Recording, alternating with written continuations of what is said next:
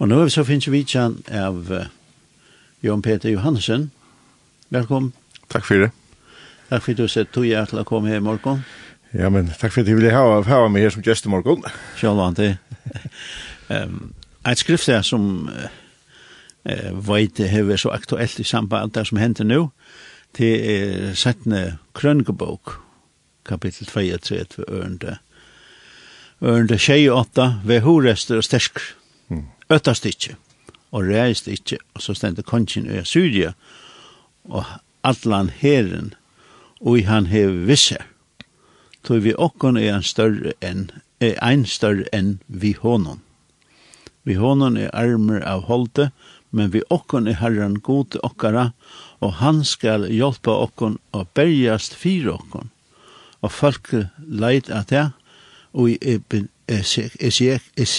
Esieka, nei, nå blir det aldri eh, konkur og Juta sier.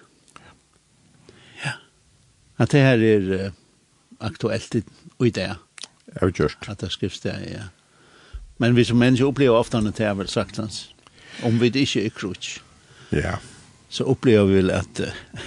vi er en andalig krutsk. ja, vi er en andalig krutsk.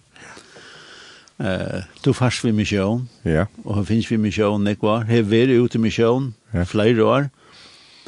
Uh, da man er mission og man er som du er, så blir det antall krutsen, man er nærværende. Avgjørst. Man opplever bare det er kanskje, og det er egentlig forklarer vi først hva det er som går for seg. Eh, som vi husker er det saler litt, men vi først er det så andre litt, at det blir, man blir, man kan bli motfattelen, man huxar att tankan uh, ger den kan monta som ger det. Ehm där brukar jag ta av min löve på ett här. Har vi nok ruslit. Det nästa sån tankar kom fetch jeg hade jeg någon men jag vill jeg skrifta som gjort mig öden jag tid til att stendet 4 Korint 15 8 alltså att arbetare är inte bortspilt i herran. Ja. Og til det viktigaste. Alltså, hvis du er involverar i en arbeid, så er minnes litt her, hvis det er herren som kallar en, men så er det så blir det verst eller arbeid gjørst i hånden. Og det her gjør, det gjør det her kan man si, at det her strui i det verste. Paulus sier eisne at strui, troaren er gåa strui. Altså, han, ja, han sier det er strui, men det er godt strui. Ja.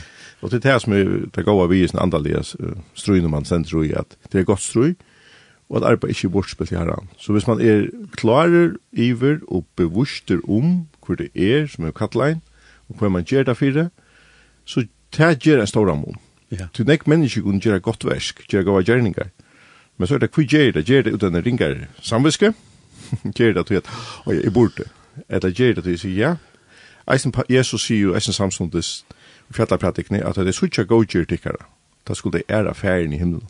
Mm. Så det er nek facetter i bøyblene som lukka som skriftstur som er i bøyblene som man helder seg til, da man gjør i simiske tingene, ja.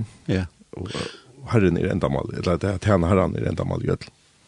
Men det er hvis en kom i måte å begynne å argumentere, vet du, altså om Peter bruker på det tog på at det her, så har du kunnet komme inn i en dialog. Ja. Men det her som kommer som sånn pøyler. Ja. Paulus står som pøyler, ja. og han står som Francis Kjolmen, som ja. skal velge å komme at pøylerne ikke ja. begynner å penetrere inn i åkere system, inn i åkere heile. Det, det er noe helt annet. Det er noe helt annet, ja. Altså, det, det, det, det, det, det, det, det, det, det, Jag tog mest själv kvart altså, du blev ganske ska bli la fyra la vi la fyra och också att er det nu som fyra ja. Men så vet man det. Jeg må si, et ett ett allt typ av asn jag mark nästan det er at vi kvart vi man har lagt rock det ger och och det checkar ju att man tömde så där väl. Alltså håll det strøyste motor. Det andra strøyste motor. Men tar man så hevigast at man har lagt det ger så kommer en glädje vet. Mhm. man frier så vet man det er rett. Altså, at mennesker som norsk morgen kan skal sitte og også, ja, men ikke skal ikke gjøre noe, eller jeg har hva gjøre okkur, men jeg kjenner bare, jeg vet ikke, føler det ikke ordentlig. Ikke, ikke bruke følelsen som bare med. Nei. Hvis det er god som er lagt av ditt hjerte, gjør det. Men så god er det så går ut, han gjør det stærfestning. Ja, det gjør det, absolutt. Kan du deile noen stærfestning, du? som ligger lever upp på nu vi sitter snacka på ända mat. Alltså ja, om konkret om att Erbin man vill involvera i omkring dömes. Ja. Ja, det kan det. Ja, det har vi mer så uppleva att jag har bygge sagt god hvis hvis det har händer. Jag har konkret dömt med mitt arbete nu. Nu är inte involverad långt men det är väl involverad i europeiska bön bara runt i Europa. Det var först för till detta tilltag i Danmark och i det var häst det var 12. Og jeg minnes det var her, tekta jeg meg til at jeg visste ikke hva det var, jeg sa bare at det var et norrlensk bøndastøvna, og så ble det en europeisk atana, så jeg punt i ferd. Jeg minnes det kom, så jeg var en disse vikene, så enda av vikene så jeg, god, skal jeg være framvis til å være rysen her? Jeg må ha tekjen fra det.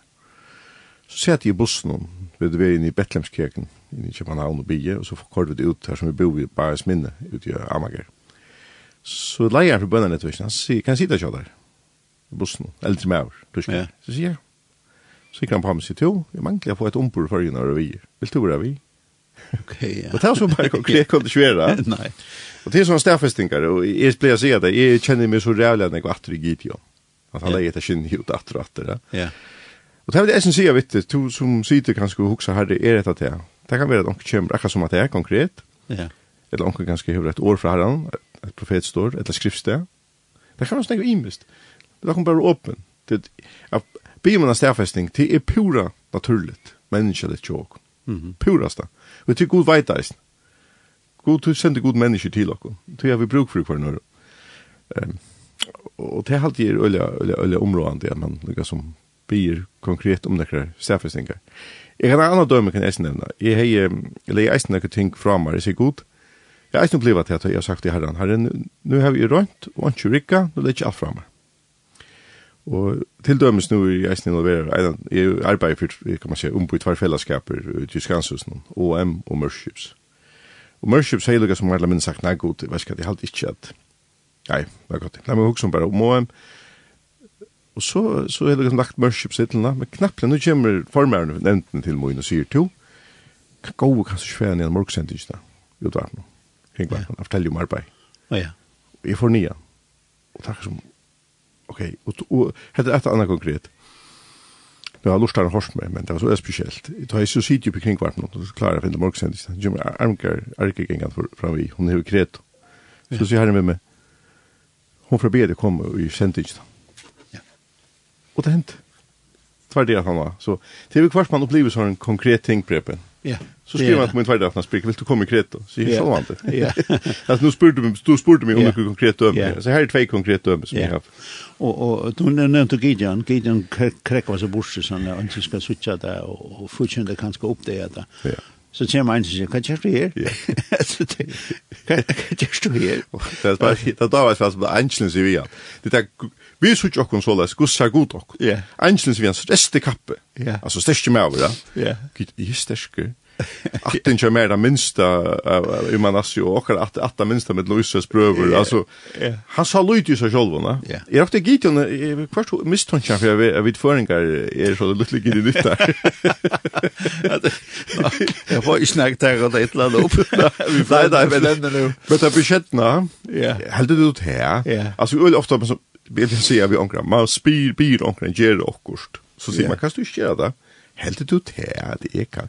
Alltså helt i biet, hvis ikke helt du kan göra det. Det är, ja.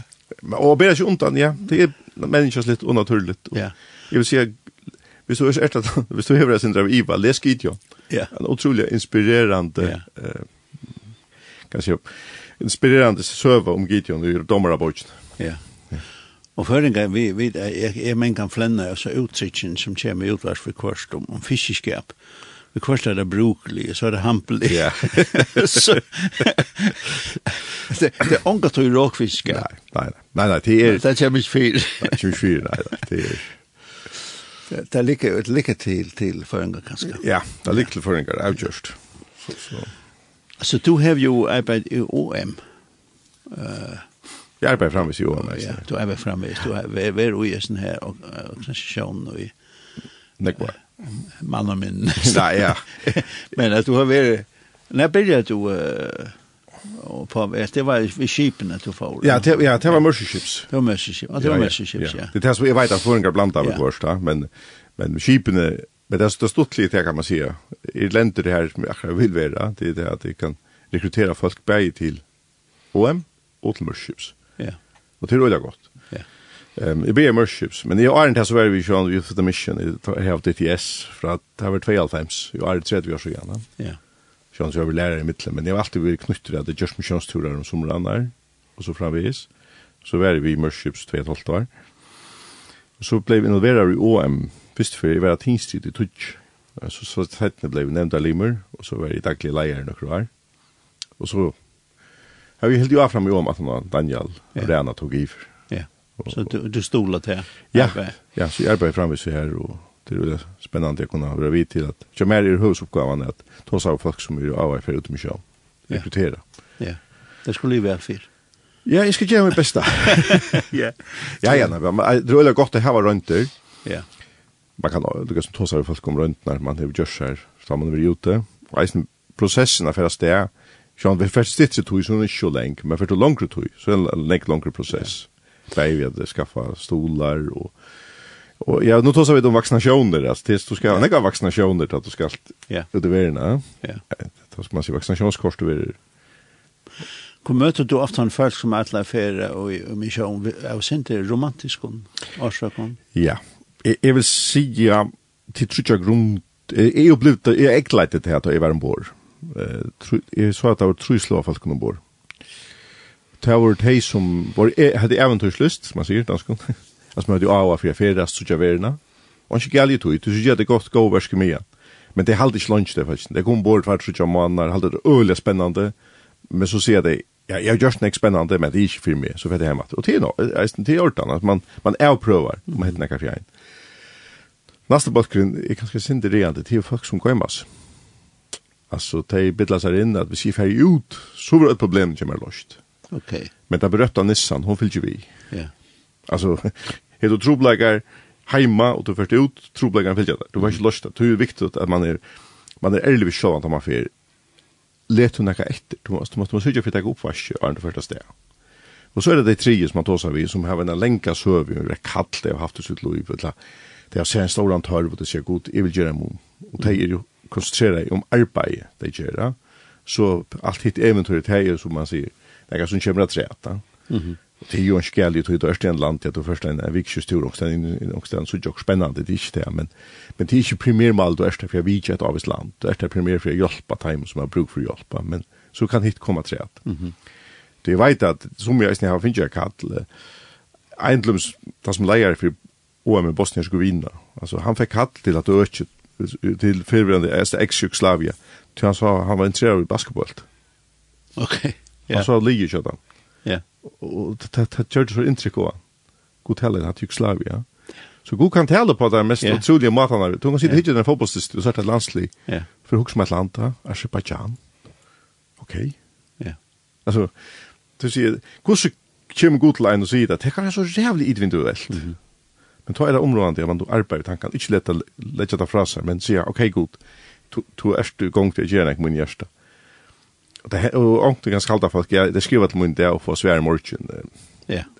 Det kan inte lova.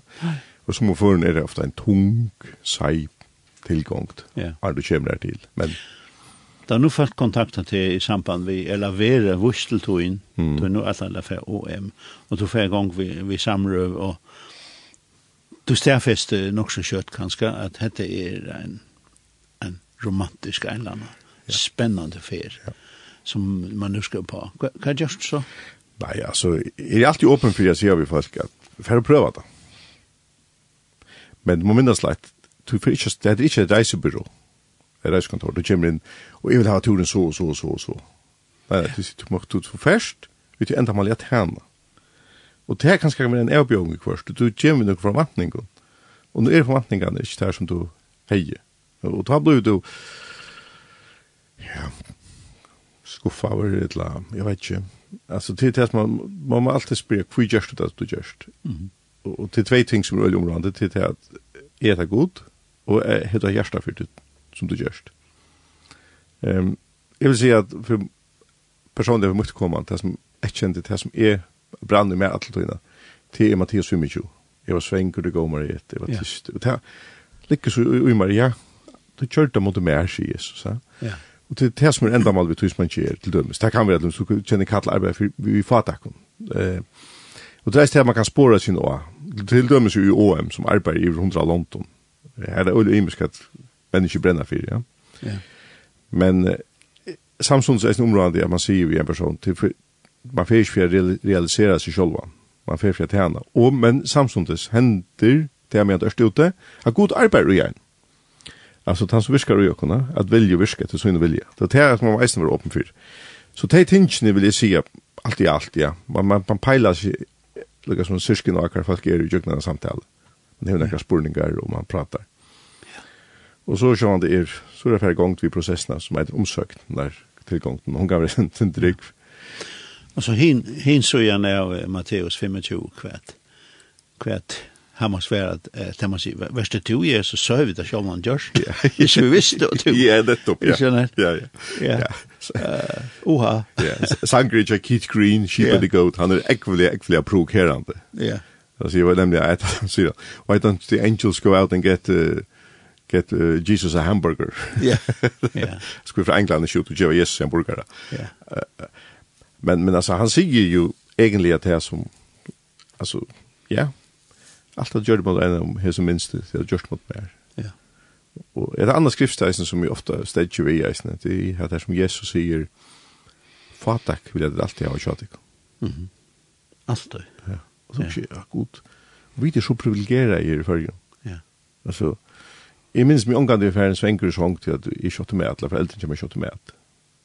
Altså, Jeg har ikke noe takka for det. Så jeg har ikke noe å takka god til for at jeg omgang til har vi kjent til til jeg skulle ha sång og sånn, jeg finnes ikke. Jeg er gitt. Altså, men det kan stande i heimen er det milliarder av mennesker som Og så, og så vi kursa, ikke leier vi okkar, ikke samfell, hoksa inn i okkar, ikke noe hjerte, tanke. Materialismen, han vet tega i, ja? Ja, just. Ja, altså materialismen, Og det vil jeg som sier vi folk som atlas er jo som tro på trobar. Du kan ikke være materialist og tro på trobar. Du, du må frasige deg nok ting. Men jeg vil si at det er verst. ja. Vi får, ja, vi får gjøre, så får vi høre et lær som uh, uh, råper til Gud, var hatt det der, det er Bengt Johansson.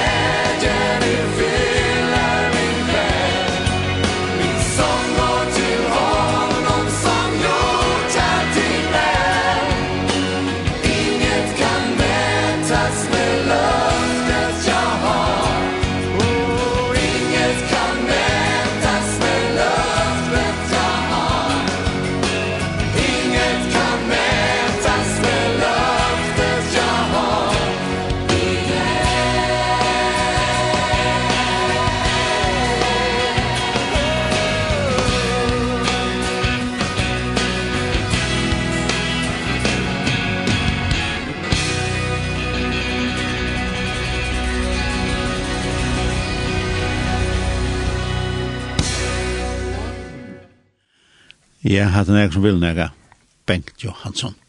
Og her i stoven så kom det her vid Vitsan er Johan Peter Johansen. Um, vi kommer sent inn av det som så øyelig aktuelt så var det øyelig hoksa om det det er Ukraina. Og jeg har tvei, tvei uh, samkomlime uh, som ganger i samkommet til Tikon. Uh, Jorun og Nurland. Malaika eller klart. Malaika, ja. Ja. Uh, så har de gått samband vi, vi støven her nere. Ja, vi har, um, Jorun Nordland har oss arbeid som troboer nekvar i Ukraina. Og jøkken til samband, jeg har det samband med en pastor som heter Sergei, som vi har stola fast på manna som samkommer. Og altså, vi har noen misjonsprosjekt vi stola fast, og han, det er vel så et av de prosjektene og eisen stol omkring verska atlaner som de har haft i Ukraina, omkring undervisningar for unga jenter og sånt. Og nu tar i Ukraina, eller Krutjebrastå, så hei Jorun beina vi en samband vi seg Den etter, morgen etter, så ringte jeg til Jorun, så Jorun, vi skulle gjøre som samkomma. Og hun ringte Estel Moindla, vi snakka nok bæg saman med albeina vi, og så bæg hun Sergei senda en, en, et videoklipp til okkara. Og det løtte vi så ut av Facebook-venkan, tja, frikyrkjan og asan. Så hvis folk vil jeg sutja det, så kunne de fære inn av Facebook-venkan tja. Så sutja det her. Bles nye. Og vi sett sånne innsavning i gang, mener vi, til å senda penger iver, som de kunne bruka til å kjøpe mat og tepper og annet som de har bruk for. Og Sergei hever så vært i undergrundsbanan i Kiev, et landa, og bytte ut. Og til er en annen, en Facebook-bølger som heter Tøyende ur Ukraina og Stol til Ukraina. Her folk kan eisen fylgja vi. Jauron er øyla offer at letja opp dagføringar av imeskun som henter i Ukraina, så folk kan avhaldande fylgja vi og bia og stola. Og som sagt, så setter vi et, en stolsattak i verskbeina vi. Vi har en misjonskonto i Joasne, Her folk kan flytta framvis kan flytta peninga og bimestja eh, Ukraina. Jeg vet ikke om jeg kan sige kontonummeret. Endelig. Ja. Kontan eiter 1,5,1,4 13 33 614 og så skal man bare bimestja Ukraina.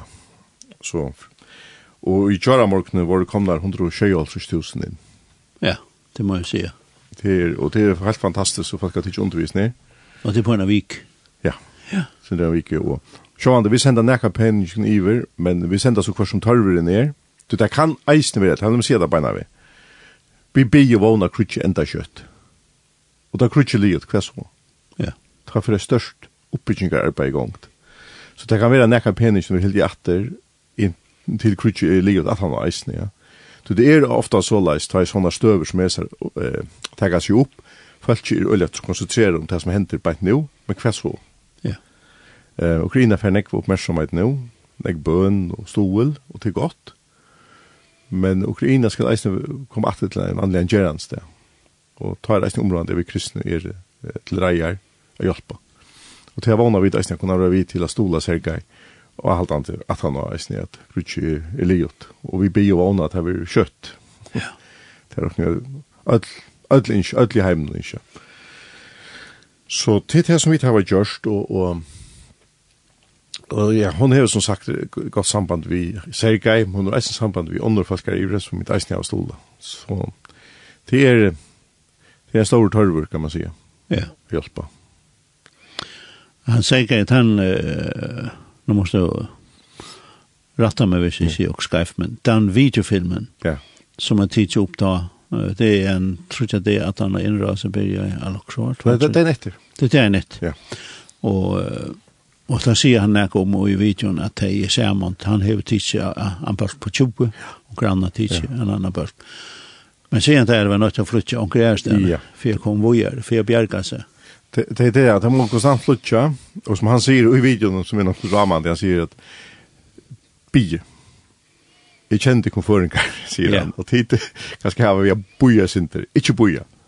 Bi nu. Ja. Inte säga jag är färdig bi. Det borde bi nu for jag. Ja. Och och där är ett neja rope. Ja. Och det tycker fram vi ser och vi valde så visst nu och ju asna sista sundet där att sätta möte jag 100% till Ukraina. Her vi deilte nok ting på oss sammen. Jorun har en oppdatering fra støvene. Og så enda han er møtene og i alt samkommene seg oppe vi på fire i Ukraina. Og, og til nekka som, ja, på en eller annen måte, for åkna vakna. Mm -hmm. um, ofte er det neien som gjør det, jeg vet ikke hvor, men mener. God brukar ofte, eller tileter, vil jeg helt si. Ja. Yeah. Sånne ting.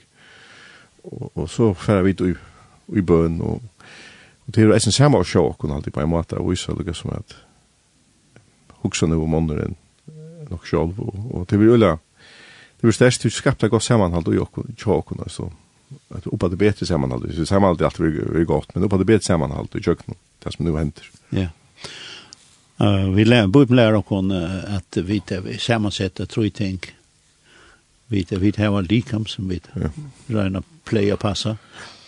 Eh så har vi den sval. Ja. Og så har vi der en ante. Uh, Hessa tog tenk meg å være balanse i karriere.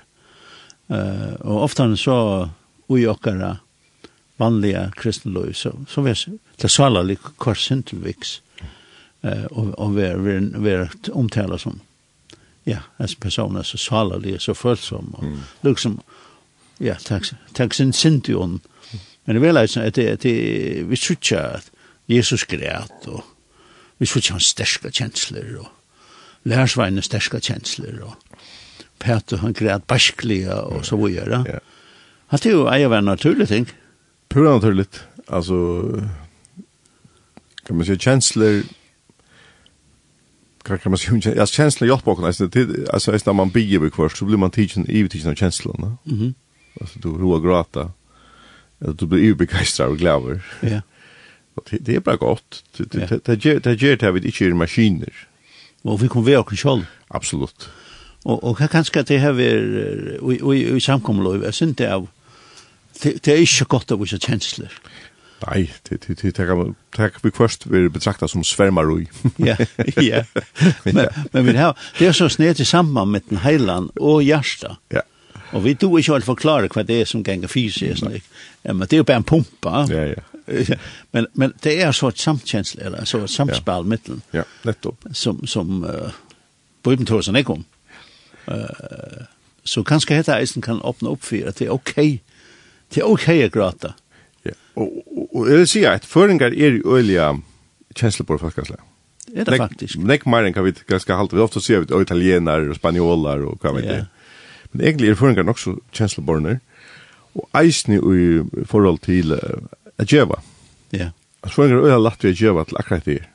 Altså så som... Ikke problem. Ikke, ikke problem. Men så sier de, kan du stola omkring fast som arbeid vi omkring i Verskatland i en land nekvar. Ja. Yeah. Så jeg kanskje ikke mer. Ja. Yeah. Men, men titt vi at vi blir rørkjenslige, og vi reagerer kjenslige. Ja. Yeah. Um, og det er aldri godt. Det er godt. Ja och och och det där. Men så kan vanten nästan vara med allt på ett känslan. Ja. alltså en en förvänt pastor som var i Philadelphia Kurs Christensen jag kjenner navnet där nämnde han tog til kors här såna i Lindne. Han hej han var kom nyligen kom til Färjar og där var han söndagsgudstjänst och flera andra och så här rolig socklig förningar han sa att det när han tog sådär snäda bara. Så var grintar där då besant där. Nu får han ut här Nå ser han det så med mennene, som vanlig sitter og benkene her, stille og rolig, vi, vi, vi, vi, helt overrørd i nesten. Nå sitter han det er karvittler. Hva er for land det kommer til? Ikke han? Jo.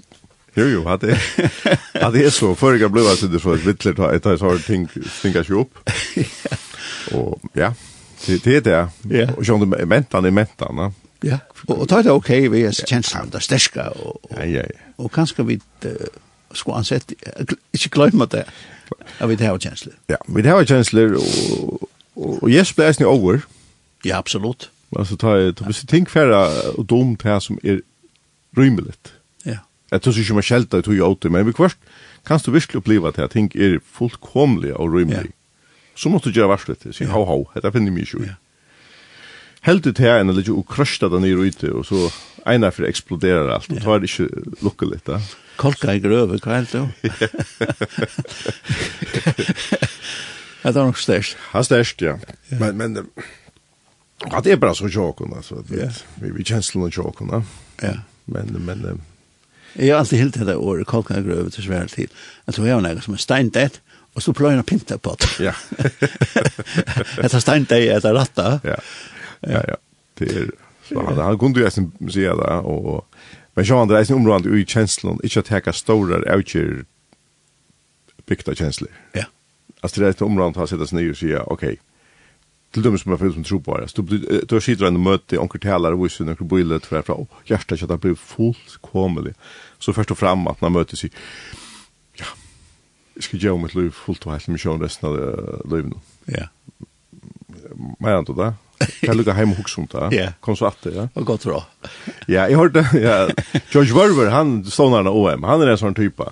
Ja. Han, han hyrs tydelsort. Nei, slett ikke. Nei, så var det en, ønskmer, jeg var i Spania, til en stevne til OM, og så var det en ønskmer som jeg ble tro på i fyrvendt Jugoslavien jeg var. Så spurte jeg, hvordan ble det involverer i OM? Han sier, jeg bor i Cornwall, Sur-Englandet, då sa jag Cornish Malier, men då det inte då det ängst, men då så gebrocka ängst. Och så Men sen Lars be ja ja, det är bättre än skon. Och så var han för en möte i Bristol i England, eh baptistkyrkan. Church River talar. Och han talar och så tar han om mission och gör allt för Jesus. Han blev så starkt kallad. Så han fyrt till George att han mötte sig och jag kände bara att god han kallar mig ordentligt i kväll. Så säger han, menar du det? Han säger ja. Ja, tog billett. Kom vi mer til London i kvöld. det må jeg si. Ja. Ja, så var det livet. Ja, så fylk fylkbær, som jeg sier, det er bøkstavlig, ja. Ja. Sleppar øtla for jo, att någon. Det kan ju vara det eisen være, det är slik det. Jag har nog inte samma ødelagene. Ja. Det kan hända ikke för som, ja. Ja. Det er nok ikke. Nei, vanligt. Nej, det kan ikke øyne overføres att gjørs det. Absolutt. Men kvært, altså, nekk er blivit kalla i utfordra til at hana, nettopp på grunn av hans provokerande mat av er på George, altså, han hever... Altså, jeg kjenner eisen folk som, som hever hørt han til, og, eller har flakskeir, flere til om troboer som kom, og så hadde bona spekler ut dem, spekler. Mm. Da var det så færre 20-15 år, da kan man si, uledet så fullt, ja. nu færre. Ja. Men det er en prosess som det er færre i tjøkken avgjørst. Og i, jeg visste ikke en løt jo i at det sitter onker lort der, som er en sånn her prosess. Altså, ja, det, det kan jo, ja, nei, det er jeg visste ikke en løt jo. Det, det, det er nok kanskje i hva stod. Du har yngst at lea, og jeg vil fære til. Ja. Det sista er også litt tjokkene det. Nå er vi til svenska hjørnen. ja, det, det skal bare halda avfram. halda avfram, altså, det er en tanker som fra Løsens Livets ord i Uppsala som heter Makten og æran. Ja. Han er han er norsk råd nok, hvis nok på noe, eller normer. Ja. Men det synes jeg så vel. Og, og til testa handler om. Makten og æren, hver er hun, hun tilhører til kanskje. Yes. Vi får lust det.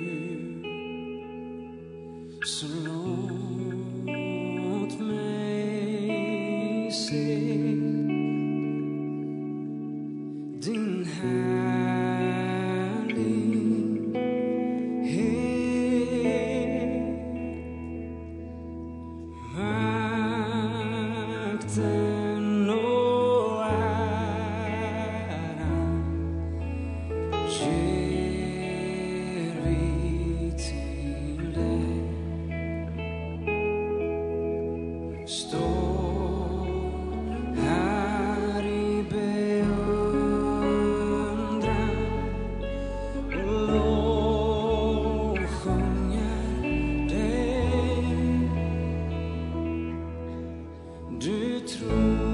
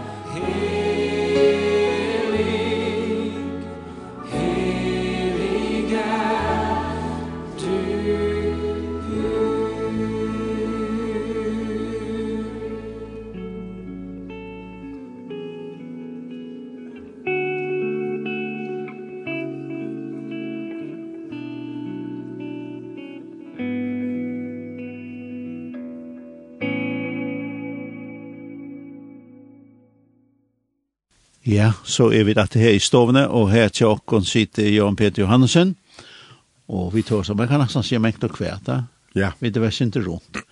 Uh, nå skal vi ta oss om påskastevn. Ja. Uh, utan corona. ja. Tack og lov. Tack og lov. Det vet jag kan man säga att ett backshock kunna få det. att ja. gå upp. Ehm um, kan man säga. Vi har ju haft påskaständer i förrgon, eller påskaständer i Sjönda, jag vet inte hemma med Sjönda, jag har nog bröderna är sina påskamöter, men så är det därför det är karsmalska rörselna, kan man säga. Jag kan ha påskamöter vid för Falkjärserna. Ja. Och det är sörst, um, vad han säger då, Arne, det är ju 30 år, hävdar så vi fast att Kjeltan och, och Asan skiftas om med påskaständer. Vi har Lyko Ar och Kjeltan och Lyko Ar. Mm. Och i fjörn var det, så holkon online i kjeltene, man skulle hava boiletja plås, ja. og fyrre året var så slett ikke, det tar var korona, så ekvis litt. Så er det okkara turer i år, i i Asne. Og vi sjående vi, det var haft tver avbjørnger, kan man sige. Det ene avbjørnger, sjående, der skulle man byrja planleggja, man visste ikke ordentligt. Nei. Og det neste er til at vi tar en kjempe avbjøring nu vi, vi sælen jokk, vi vil ikke av gulven, vi vil ikke. Så okay. at gulvet er jobb ok, og det har vi gjort Det er ikke tetsjene? Nei, fra, det er ikke faktisk fra, ja, det er faktisk en sånn varmavekslare, oh. vi har jo fjerde det her, og som det ikke inn i gulvet, og pluss så tror jeg det ikke gjør noen vekk, muren, eller vekken, gjør noen kvar. Så det var en øyla stor omvæling som fyrer fram nu. Ja. Men vi blir jo vana at det er klart til påskar. Det er en av bjørn vi da møtt, Och så var det hinna att få det plan och chatlaren eisen i lite. Det var eisen där skatt allt ner så vi hoppas på allt klart till påskar. Så vi tar Ja, vi styrer sånn ekon front om på nu. Så yeah. folk må gjerne be for jokken nu alltså. Det er där be. Ja, så jeg heit jo at folk må be for jokken. Ja. Så her var vi et, um, men så er det så sjående, vi men vi trygg færre vi og vi går en sista gång til påskar. Yeah. Det er ikke det. Det är inte mot jokken. Men um, uh, så her var vi et, uh, finnes jo talare. Mm Og det var eisen også så ringt, hvordan skulle man, kunne man få en ekran, hvis du stod der fresht. Men det var finnes jo en kjent folk som har vært til påskastendet før. Senaste påskastendet var jo Asne, var i 2014, og til Gordon og Rachel Hickson ur Bretland, yeah. England. Yeah. Um, det har vært fyrir nekra før. og det er gode for kjennar, kanskje på kvinnsu måte? Gordon var at han brestje, rådlige, silige, med öliga går bibelære, undervisare. Hon er kanskje mer sprelsk, men hon profetisk. eisen går undervisare. Det har lugat som kan man säga kurs som mat är på. Men öliga går på så plejer kan vel, og vi det öliga spent på å få det. Det har nok stått i skriva til dig og spurt deg, Ja. Så så det, ja, mest nog för att snacka om førjer, i början av Arne. Okay, ja, ja. Så så stäffingar i Johan. Ja, ja, ja. Og, og det var stått litt, og så satt vi det, ja, ja. Vi vet at det er øyler senere frest vi kommer, men nei, nei, det var, det her er jo alt annet vi avlust, så det er nok ikke noe ombyggning, hva stedet. Så det kommer til påskastendene, det gleder dere nok til.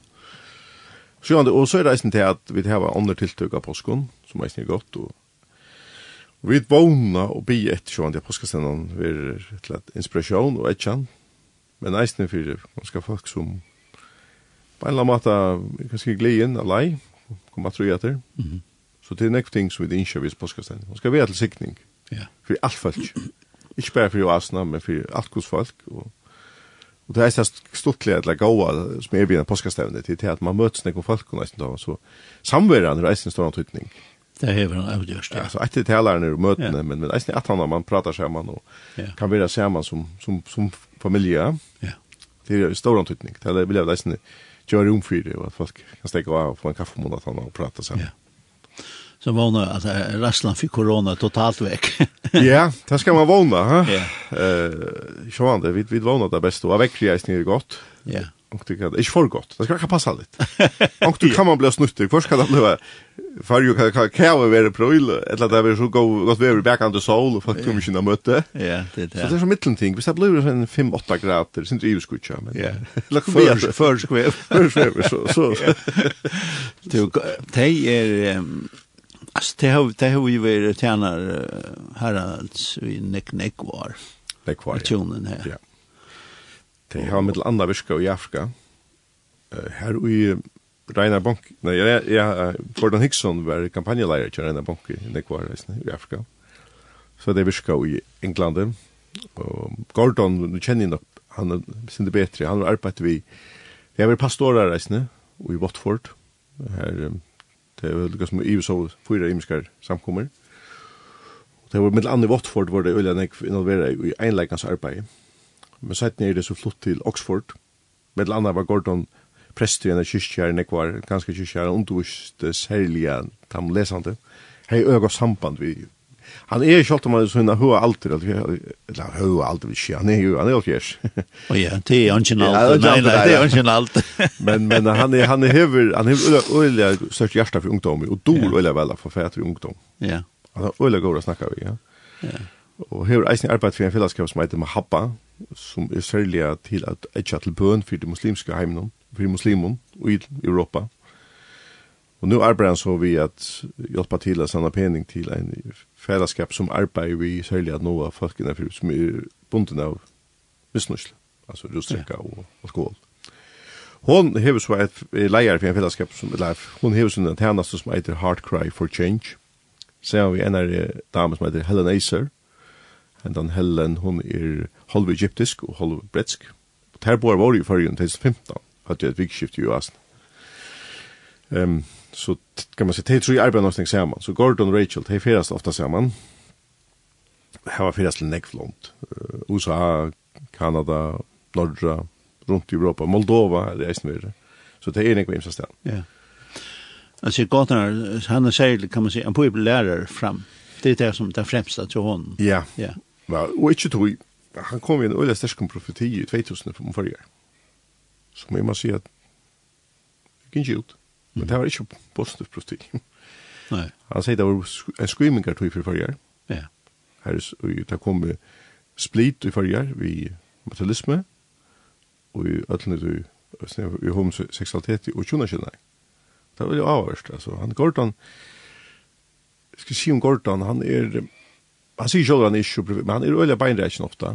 Og øyla, han er en sånn djupt funderande person, skal, skal du sann. Ja. Men det passar øyla vel til føringar. Han er øyla nemmer okkur samband vi, altså, lukka til. Og hon er, kan man säga, hon er stersk ut i profetiska som sagt, og, og ja, på den bia, det er øyla sterska bia og tjena vi forbund. Det kan man må si at det er det. Så har vi forbund, i er smørlag for forbund. Ja, ikke sant. Ja. Men jag vill säga vi folk ofta halda på ganska folk och så måste hela en blir skuffad jag får en bi för mig. Jag måste inte. Ja nej nej. Anden är det samma. God är det samma, anden är det samma. Så vi har vi gärna bi för folk och ja. Tärna vi förbund nästan. Ja. Men det att det kommer det är nog så stort för det är ju det här att det nu att det kommer hösten i Göteborg och förresten att man har sett först så skrajen er ikke ordentlig 100% enda det er løgt på plass, men det er ikke ødelig for om det er trutja det gjerne her. Ja. Men vi har så valgt at gjøre leierkvöldet til et rent ungdomskvöld. Mm -hmm. Her er vi selv over ungdommen som eier alt kvöld, ja. leierkvöld. Så det er det, er det som vi ikke. Så vi ikke virkelig at det her skal være en påskastevna som, som sagt, som vi sier Jan, vi er vidt til at sikna og etja og inspirera gods folk. Ja, Och uh, förbön för gulv och allt det som ska göras. Så, ja, alla erbjudningar. Allt rikka, ja. Allt rikka, alltså det er, man sier, man får erbjudningar her og der. Ja, det är där kan livet bitcha. Ja, ja, så kommer sånn. ja. Så man be om at att här mötreisen tog, fortsatt jeg tar om tog samband med tiden. Så det är inte uträsla. Ja. Jag stod, där finns något knäckdäcka från tryggingene, men inte allt. Så, ja.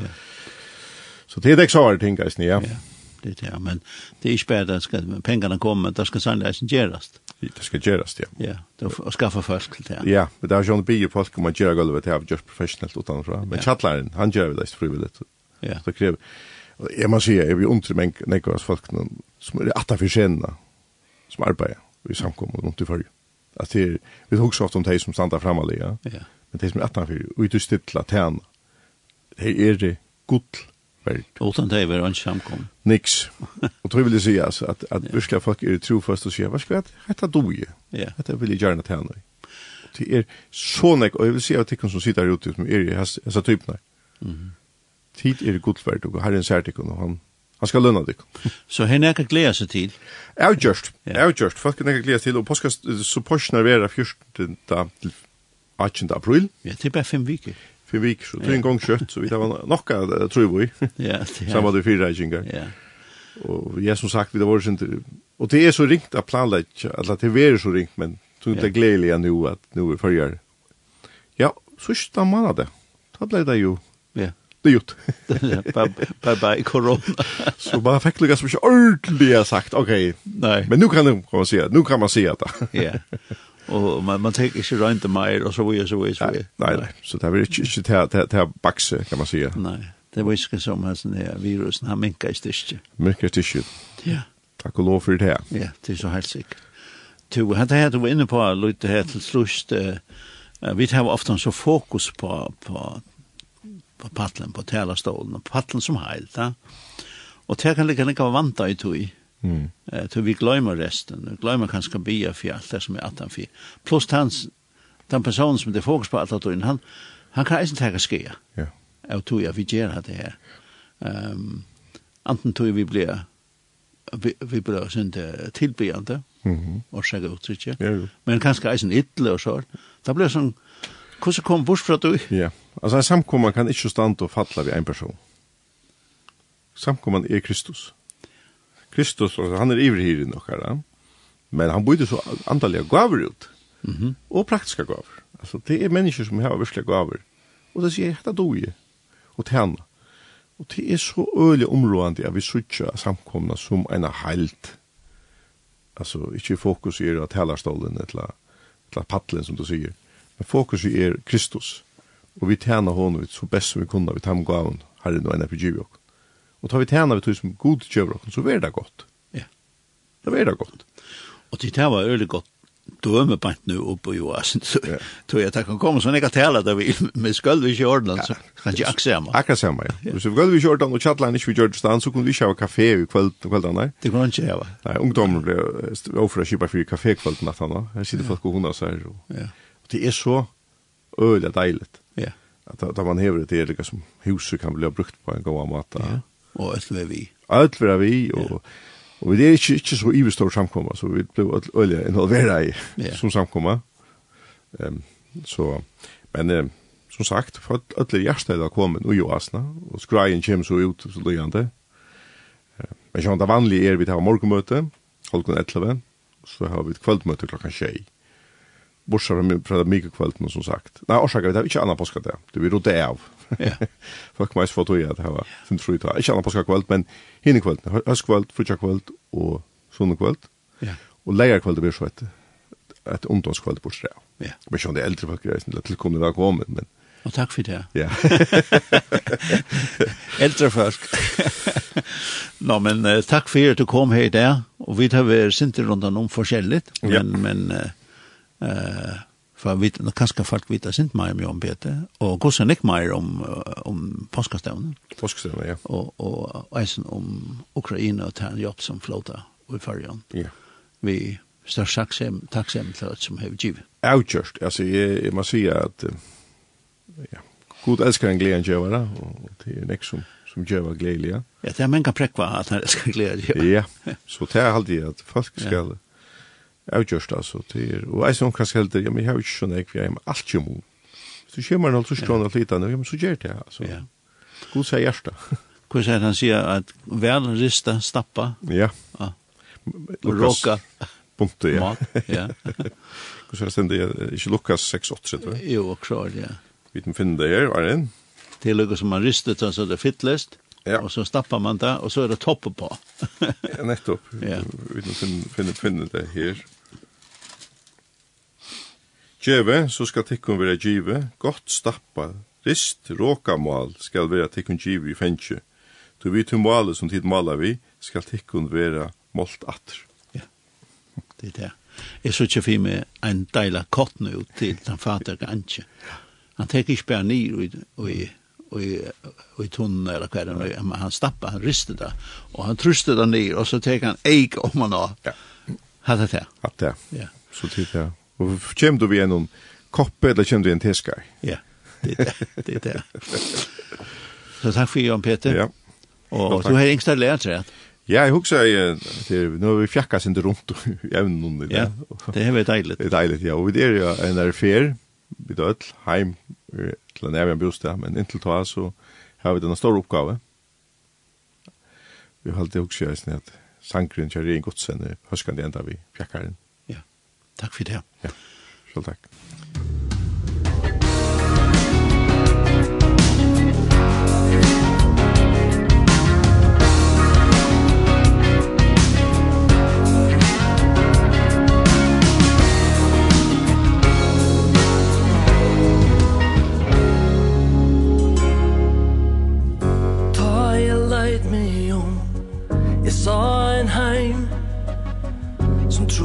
bärer till tøy han ser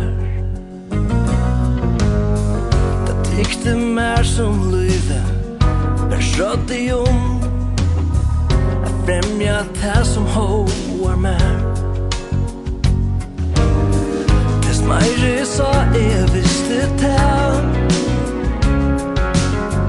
Det gestor var jeg som ställ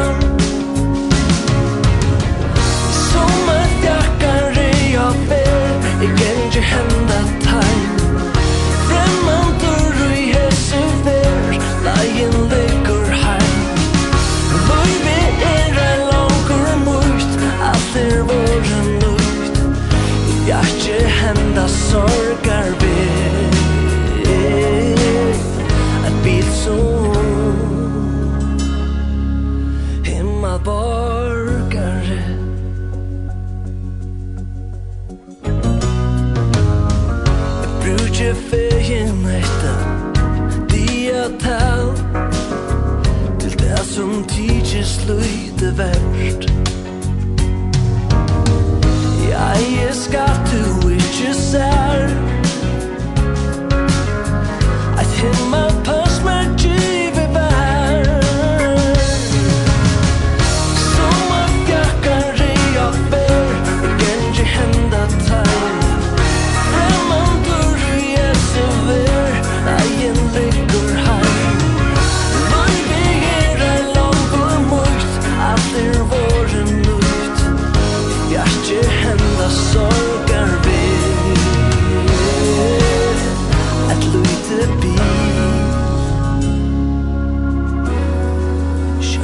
salvation